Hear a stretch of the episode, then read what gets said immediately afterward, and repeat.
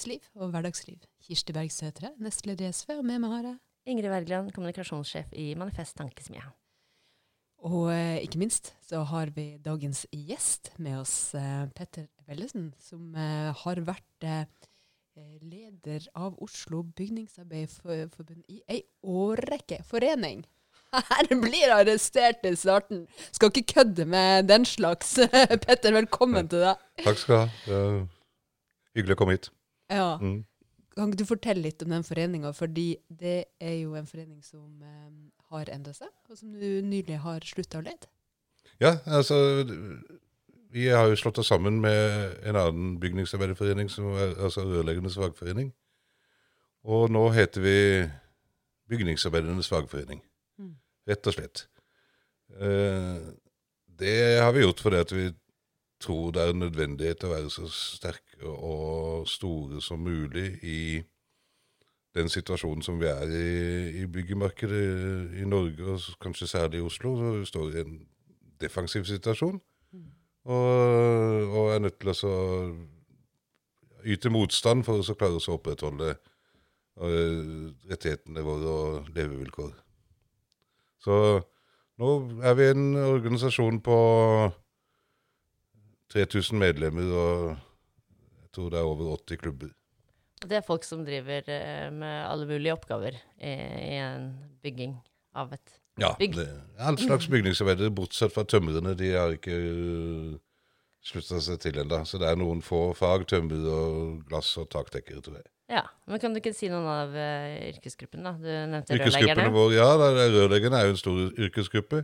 Så er det jo det som i dag kalles for betongfagarbeidere, som jeg er, da. Jeg er egentlig forskalingssnekker, men det er en del av betongfaget. Og så er det murere, malere, eh, alle som er på byggeplasser med sånne hjelpefunksjoner, altså kranfører, trykkfører sånne folk, og alle som egen, ja, gartner, og det er også innenfor hos oss, anleggsgartner altså. Så, så det er breit og favner om det meste. Og området er jo Oslo og Akershus og omegn. Ja.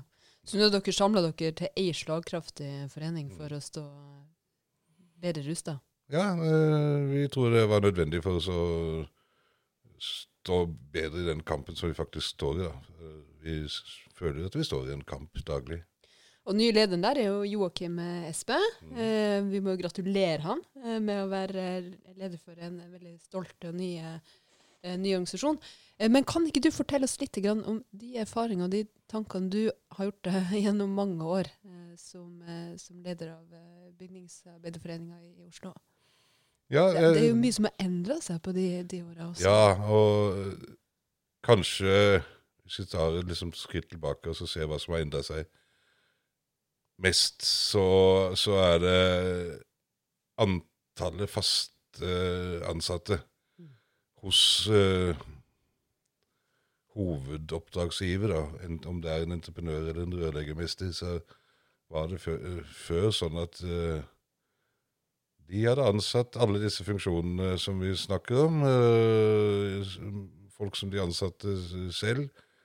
Ga den nødvendige fagopplæring og kompetanse, og, beholdt så lenge man kunne. altså sånn Arbeidskraft der var jo verdifull, så, så den måtte man holde på. Og sånn var det jeg begynte jo i byggebransjen på slutten av 70-tallet. Så, så da var det jo da var det jo sånn. Det som er i dag, er at den er prega av at det hovedoppdragsgiver har ganske få ansatte. Sånn, til og med alle, alle snakker om kjerneansatte og kjernetropper og sånn. Og så kjøper de da inn alle slags tjenester, enten gjennom innleie eller underentreprenører, som egentlig er de samme tjenester som de kan utføre selv. Og grunnen til det er jo at de det blir billigere. For det at uh, den arbeidskrafta som de kjøper inn, stort sett uh, er billigere enn den de har hatt uh, selv. Så firma som Selvågbygg, som det het en gang i tida, det var jo jeg tror det var 700 ansatte når de var på det største. Og nå er det 100, kanskje. Hva er det som har endret seg i, i loven eh, som har gjort at dette har skjedd? Fordi jeg tenker på at eh, Altså, en byggeprosess vil jo alltid være kan man tenke seg et prosjekt. da. Man skal bygge et bygg, og så er det avsluttet, så går man videre til neste. Det må jo alltid på en måte ha lønt seg å ikke ha folk fast. Eh, men uh, altså, siden du sier at det blir billigere, da. Men hva er, som, hva er, den store endringen som har gjort at det har blitt sånn gjengs over? Endringen sånn, i, i, lovverket var jo oppmyking av, eh, av innleiereglene. Altså at det var lov å leie inn, og det var det vi kalte for Blåli-utvalgets innstilling, som ble gjort en lov på begynnelsen av 2000-tallet, som uh, har gjort at det er lovlig å leie inn under visse forutsetninger. Så det som har vært, er at det har vært lov å leie inn det store hullet, da, låvedøra, det var at det var lov å leie inn etter avtale med de tillitsvalgte. Mm. Og Da kunne du leie inn samme kategori som man hadde fra før. og og gjorde det ganske liberalt. Og det, det har vel vært vist seg at det var en for stor bør å legge på de tillitsvalgte. At de skulle være det eneste som skulle overvåke at dette foregikk i, i riktig form, at det ikke eh, undergrav og virka, virka, som sosial dumping. Ja, det, så når det i tillegg ble stor tilgang på arbeidskraft når eh, arbeidsmarkedet åpna seg mot øst, da, mm så var den kombinasjonen der sånn ble til en diger godtepose for uh, arbeidsgiverne, som de har forsynt seg godt av. For det, det opplever jeg at mange blir litt overrasket over når de får høre at det rett og slett ikke var lov med bemanningsselskaper før, før 2000. Det er nesten så, Nå får vi jo veldig ofte høre at uh, men hvordan skal man få bygge ting hvis ikke man har bemanningsselskaper? Det går jo ikke an. Uh, da kan man jo ja, opplyse om at det ble bygget en del før år 2000 også. Så klart. Eh, så var det jo, sånn i sannheten å si, så var det jo først ved arbeidsmiljøloven i 77 at fast ansettelse ble, ble lovfesta. Så når jeg begynte å jobbe, så var du egentlig ikke fast ansatt. Du var ansatt fra byggeplass til byggeplass. Eh, ofte på, i byggebransjen. For det var prosjektet, som du sa. Eh, kunne risikere å bli sagt opp etter prosjektet. Men eh, men det var jo en stor forbedring når den uh, loven kom. Og, og, så fantes det jo leiefirmaer på 80- og 90-tallet òg, men de drev da stort sett ulovlig, så det gikk an å stoppe det. Mm. Når du sier at uh, det var først uh, på slutten av 70-tallet at man fikk fast ansettelse i, i, loven, um, hvordan var kampen frem mot det? Ja, det var jo en kampen mot, om arbeidsmiljøloven. Mm det var jo en ganske fantastisk eh, Det var jo da min begynnelsen på min sånn eh, faglige karriere, da. Men dette var jo Torbjørn Bernsens uh, baby. Han var jo saksordfører for den på Stortinget. Og det var en voldsom aktivitet, så vidt jeg skjønner, rundt omkring i klubbene og i fagforeningene med å komme med forslag til hva en sånn arbeidsmiddellov skulle inneholde, og hvilken innretning den har. Og, og var et sånn grasrotarbeid. Mm. Og annet verneombudene, da, som er et barn direkte av uh, arbeidsmiljøloven, de var jo veldig viktig at de var valgt av de ansatte. og at de eh, var på en måte representerte de og, og fikk de fullmaktene f.eks. til å for, forlate arbeidsstedet når det var noe eh, til å stanse farlig arbeid og, og, og sånn. Det var jo en krumtapp i arbeidsmiljøloven som jeg har inntrykk av noen steder er liksom litt på vei ut. Verneombudet blir sett på som en slags uh, stilling. Altså HR-avdelinga overtar uh, vernetjenesten, eller egen HMS-tjeneste. Så dette er uh, Medarbeiderdemokratiet, som er veldig viktig i, i arbeidsmiljøloven, er på mange måter på vei ut. Mm. For da var dette arbeidet nedenfra? Eh. Ja, det var veldig arbeid nedenfra for å få arbeidsmiljøloven på plass. Mm. Så det er en av de få, eller en av de lovene som virkelig har vært resultatet av et sånn grasrotarbeid. Det var kanskje ikke helt sånn grasrotsarbeid som lå til grunn for det Blåli-utvalget, eller? Nei, det, det, var det ikke. Det som åpnet for Eh, det, det var det ikke. Og så er det jo eh, Hvis du leser Blåli-utvalgets innstilling i dag, så sier de f.eks. De, de, de peker jo på de eh, De utpeker uheldige konsekvenser som kan få av det. Og da er det som å lese en, et eh, referat av hvordan det er på en byggeplass i dag. De, de peker på de eh, uheldige konsekvensene, og sånn er det blitt. De visste hvordan det kom til å gå? ja, de, ja, men det, det skulle motvirkes ved at de tillitsvalgte skulle ha en rolle. Og den er helt soleklar. at Blåli-utvalget mente at den skulle være restriktiv. At det var de tillitsvalgte som skulle klare å holde igjen. Eh, Det hadde, har ikke de tillitsvalgte klart, eh, av flere grunner. Men eh, det var en sånn flodbølge som ikke noen klarte å stoppe. Det holdt ikke bare å stikke fingeren i diket der. Der, der kom alt på en gang. Så en vanlig lokal tillitsvalgt hadde ikke, hadde ikke sjans, og så hadde det gått som, uh, som det gikk i Blåli-utvalgets verste forestillinger. Og det er jo liksom blitt eh, Ja, at løsarbeidet bredde om seg sånn på den måten det har gjort. Det, det var nok aldri meningen, men det var sånn det ble, og det, det var jo veldig mange av oss som, som skjønte det og protesterte på det allerede den gangen. Vi hadde politisk streik mot Blåli-utvalgets innstilling også. Så på mange måter så har man kommet tilbake til, eh, i, ikke i praksis i lovverket, men i realiteten, eh, så vil jo mange eh, i sitt, eh, sitt arbeidsforhold ha kommet tilbake til tida før, eh, før man fikk gjennomslaget Mm. for fast ansettelse i Ja, arbeidsmiljøloven. hvor løsarbeid er blitt regelen, og ikke, ikke eh, faste stillinger. Så er det jo så er det jo det å si også om løs, eh, løsarbeid. så var Du har jo husmannsånden, som er sånn at uh, du tar det du kan få, og så holder du munn, og så håper du på at du kan få noe neste gang. Men det var jo en annen side av det òg, da. Og det var jo det som vi kaller for rallarånden. Hvor du ikke tok annet enn det du var fornøyd med. Da, hvis du ikke kom noe med noe annet, så gikk du til et annet sted. Og det prega jo en del av håndverksfagene og, og ja, særlig de ufaglærte eh, arbeiderne på, på byggeplassene som hadde fagkompetanse og, og fagstolthet, men som ikke fant seg i alle mulige slags uh, forhold. Men da er man jo avhengig av å ikke stå i et ekstremt konkurranseforhold til hverandre. Selvfølgelig.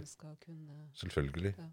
ja. Og, og ja, som sagt, når, når det plutselig blir uh, uendelig mange ganger eh, arbeidstakere som kommer hit, og kombinert med billige flyreiser og lettere adgang og alle mulige eh, faktorer som, eh, som virka inn den gangen, så, ja, så, så får du sosial dumping. Det er ikke noe tvil om det.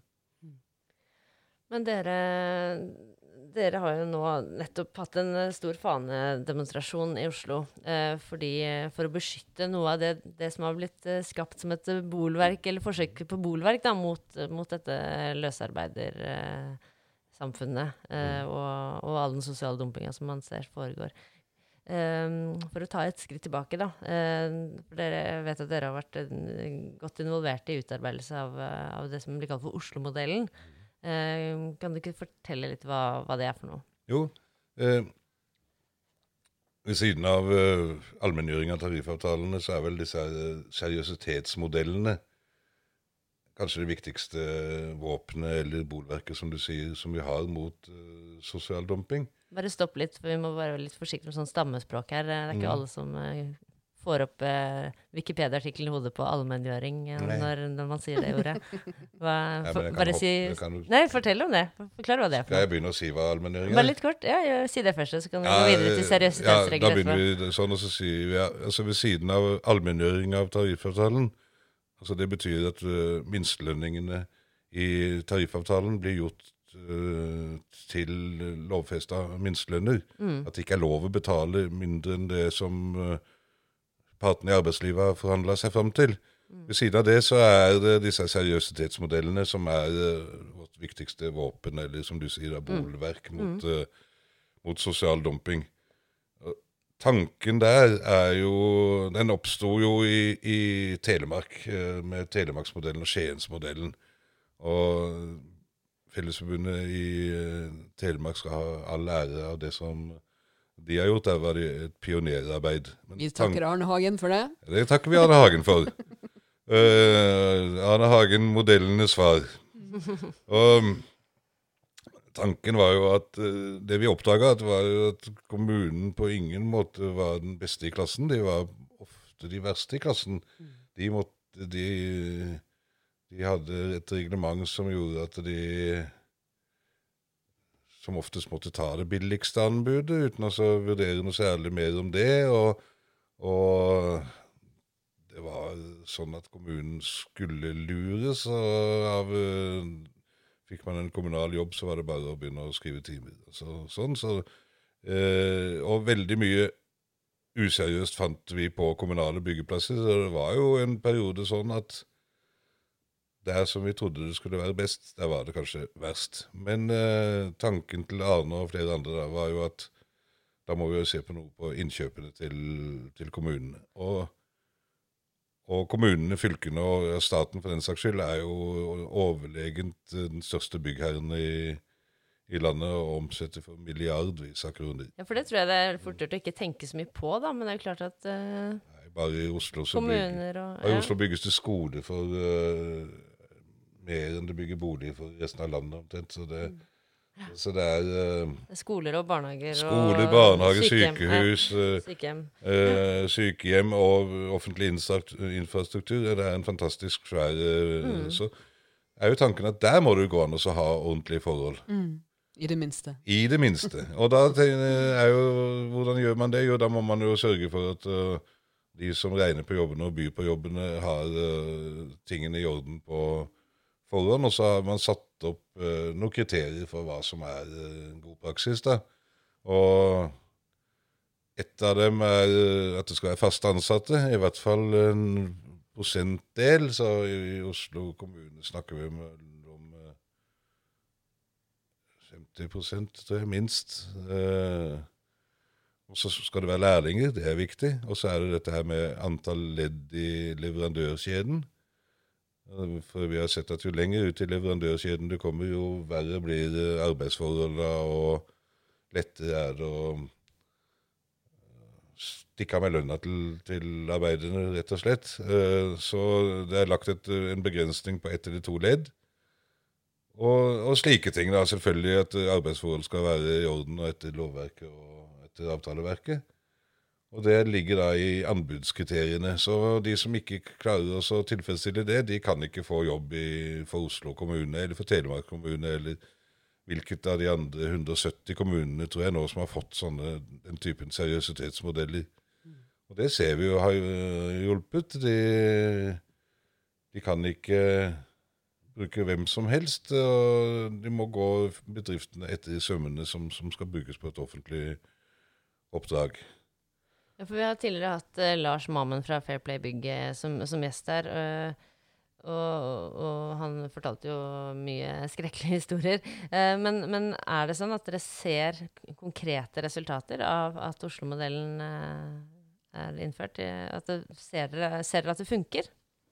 Vi mener i hvert fall at det virker forebyggende.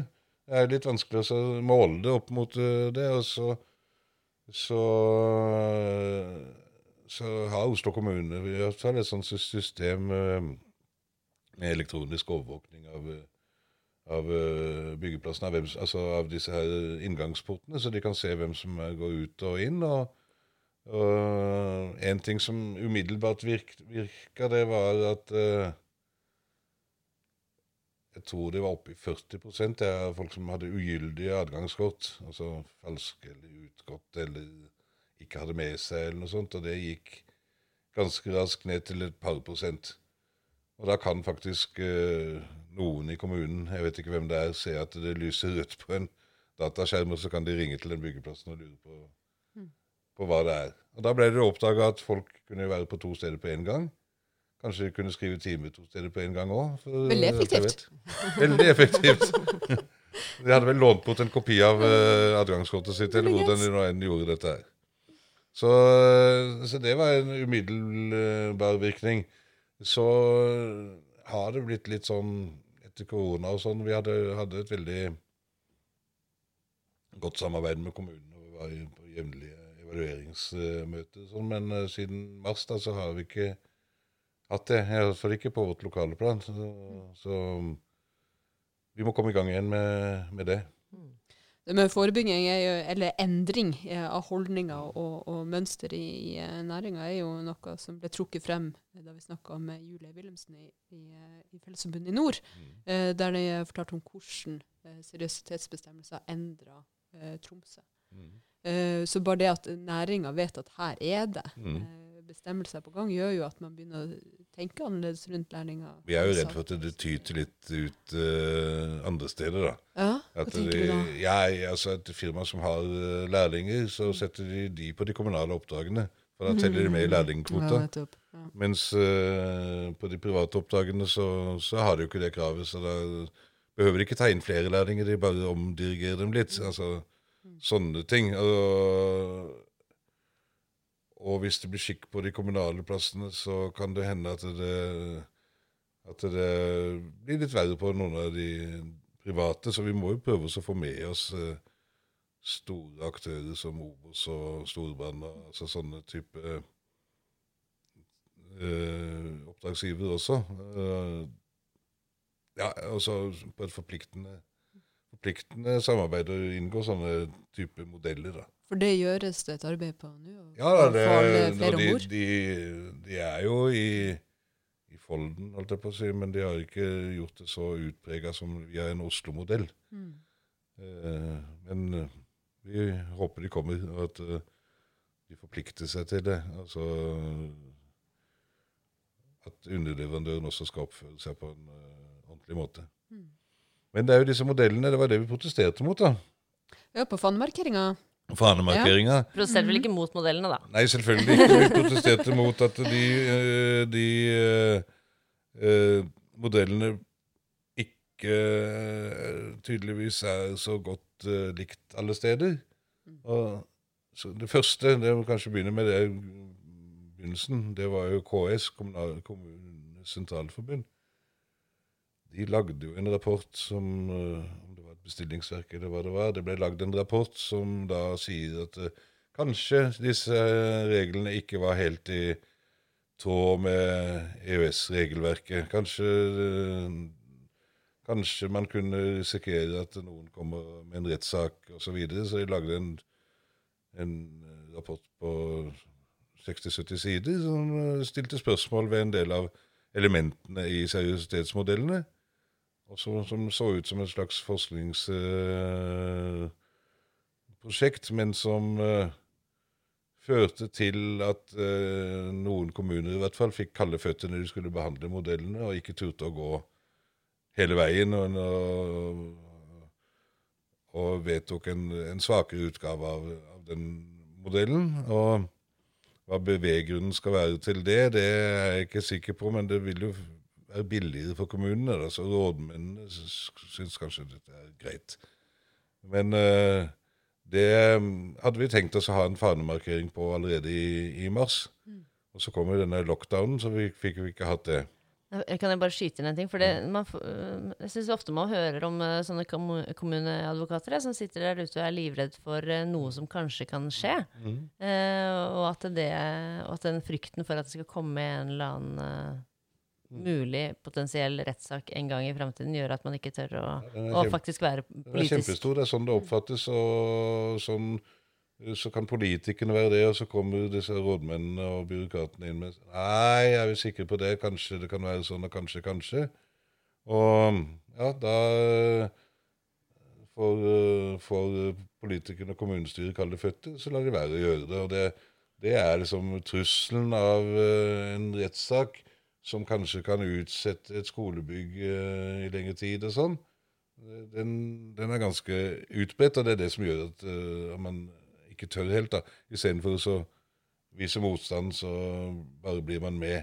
Og Det er jo det som er et uttrykk for det som skjedde med den KS-modellen. og um, etter at vi har gjort dette med KS, vi reagerte veldig kraftig på det. altså At KS skulle på en måte blande seg inn i kommunenes uh, styre og stell. Ja, nå er det jo kanskje KS' oppgave på en sånn måte som det. Ja, Men KS Ja. burde jo være de som laga en eh, oppskrift på hvordan man kunne få de aller beste modellene. for det Selvfølgelig. det Og de har prøvd er- å lage noe som de kalte for Nor- Norgesmodellen, eller Difi-modellen, men den er ikke god nok. Vi vil at kommunene skal gå lenger. Eh, så, men, Og så må men- det jo være partene lokalt som Ja, lager modellene etter lokale Så dette dreier seg jo ikke bare om faglige rettigheter, dette dreier seg om eh, Kommune-Norge og hvordan eh, Kommune-Norge skal eh, styre seg selv og bestemme selv, og kunne selv eh, peke på at vi vil ikke ha ulovlige eh, forhold på byggeplassene, vi vil ha lov og orden, og gjøre det på den måten.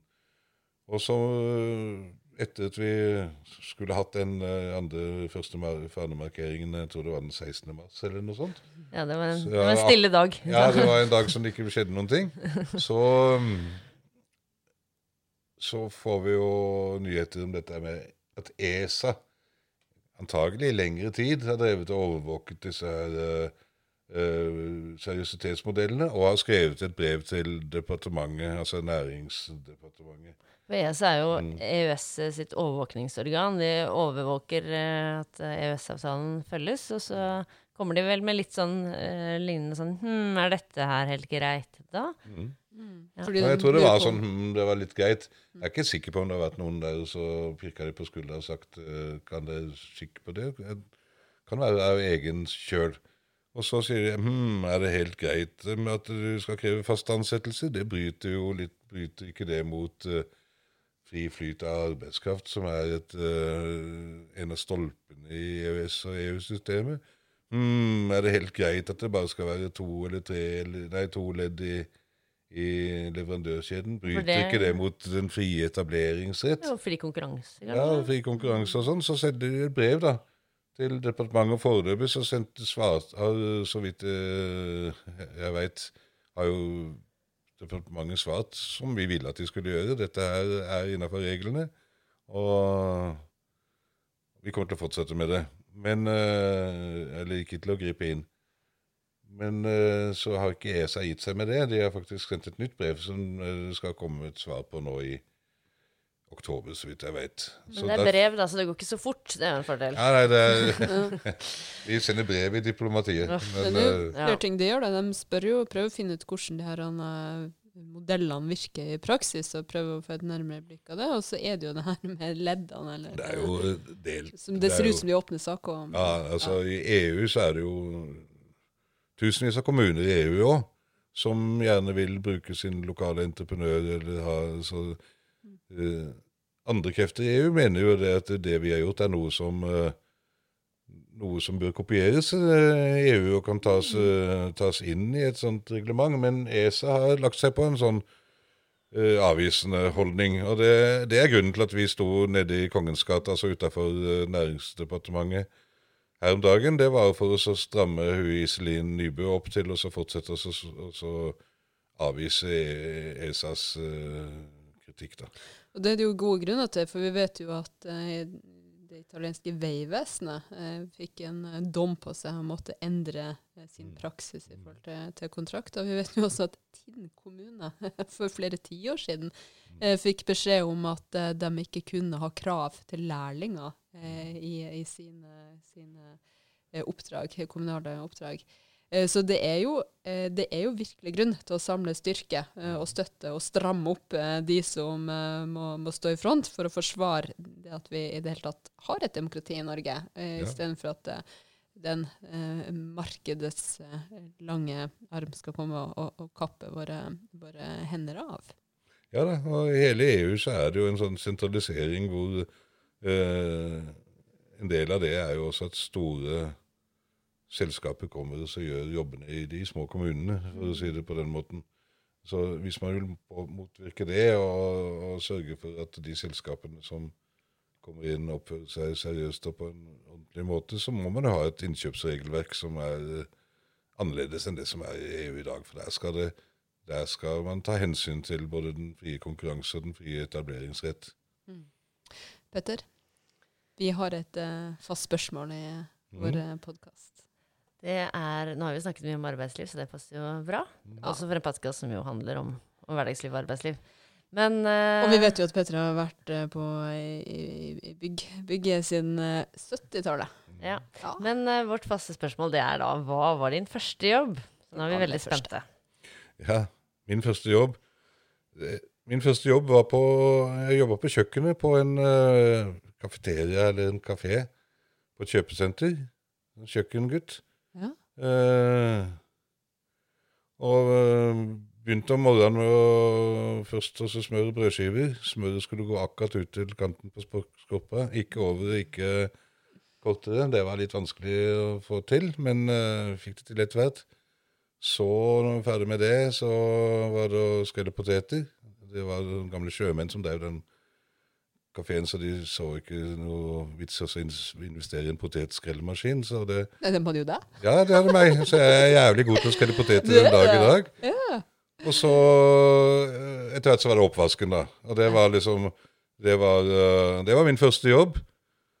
Skaffa den meg sjøl, gikk på arbeidskontor og greier. Og så husker jeg at jeg hadde ti kroner timen. Det var lite, men OK.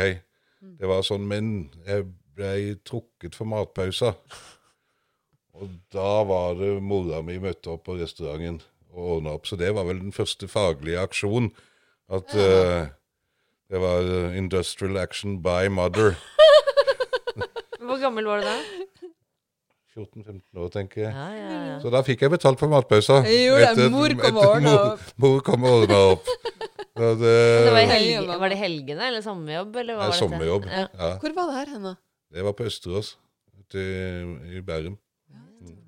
På Østeråssenteret, Østeråssenteret. Mm. rett og slett. Så først var det mor, så ble det kollektive krefter eh, som eh, Ja ordna opp. Vi så vel kanskje at det går an å snakke du Ja. hatt til uh, sjefene, så, så gir de seg til slutt. Så hardt på kravet. Mm. Så blir det betalt matpause.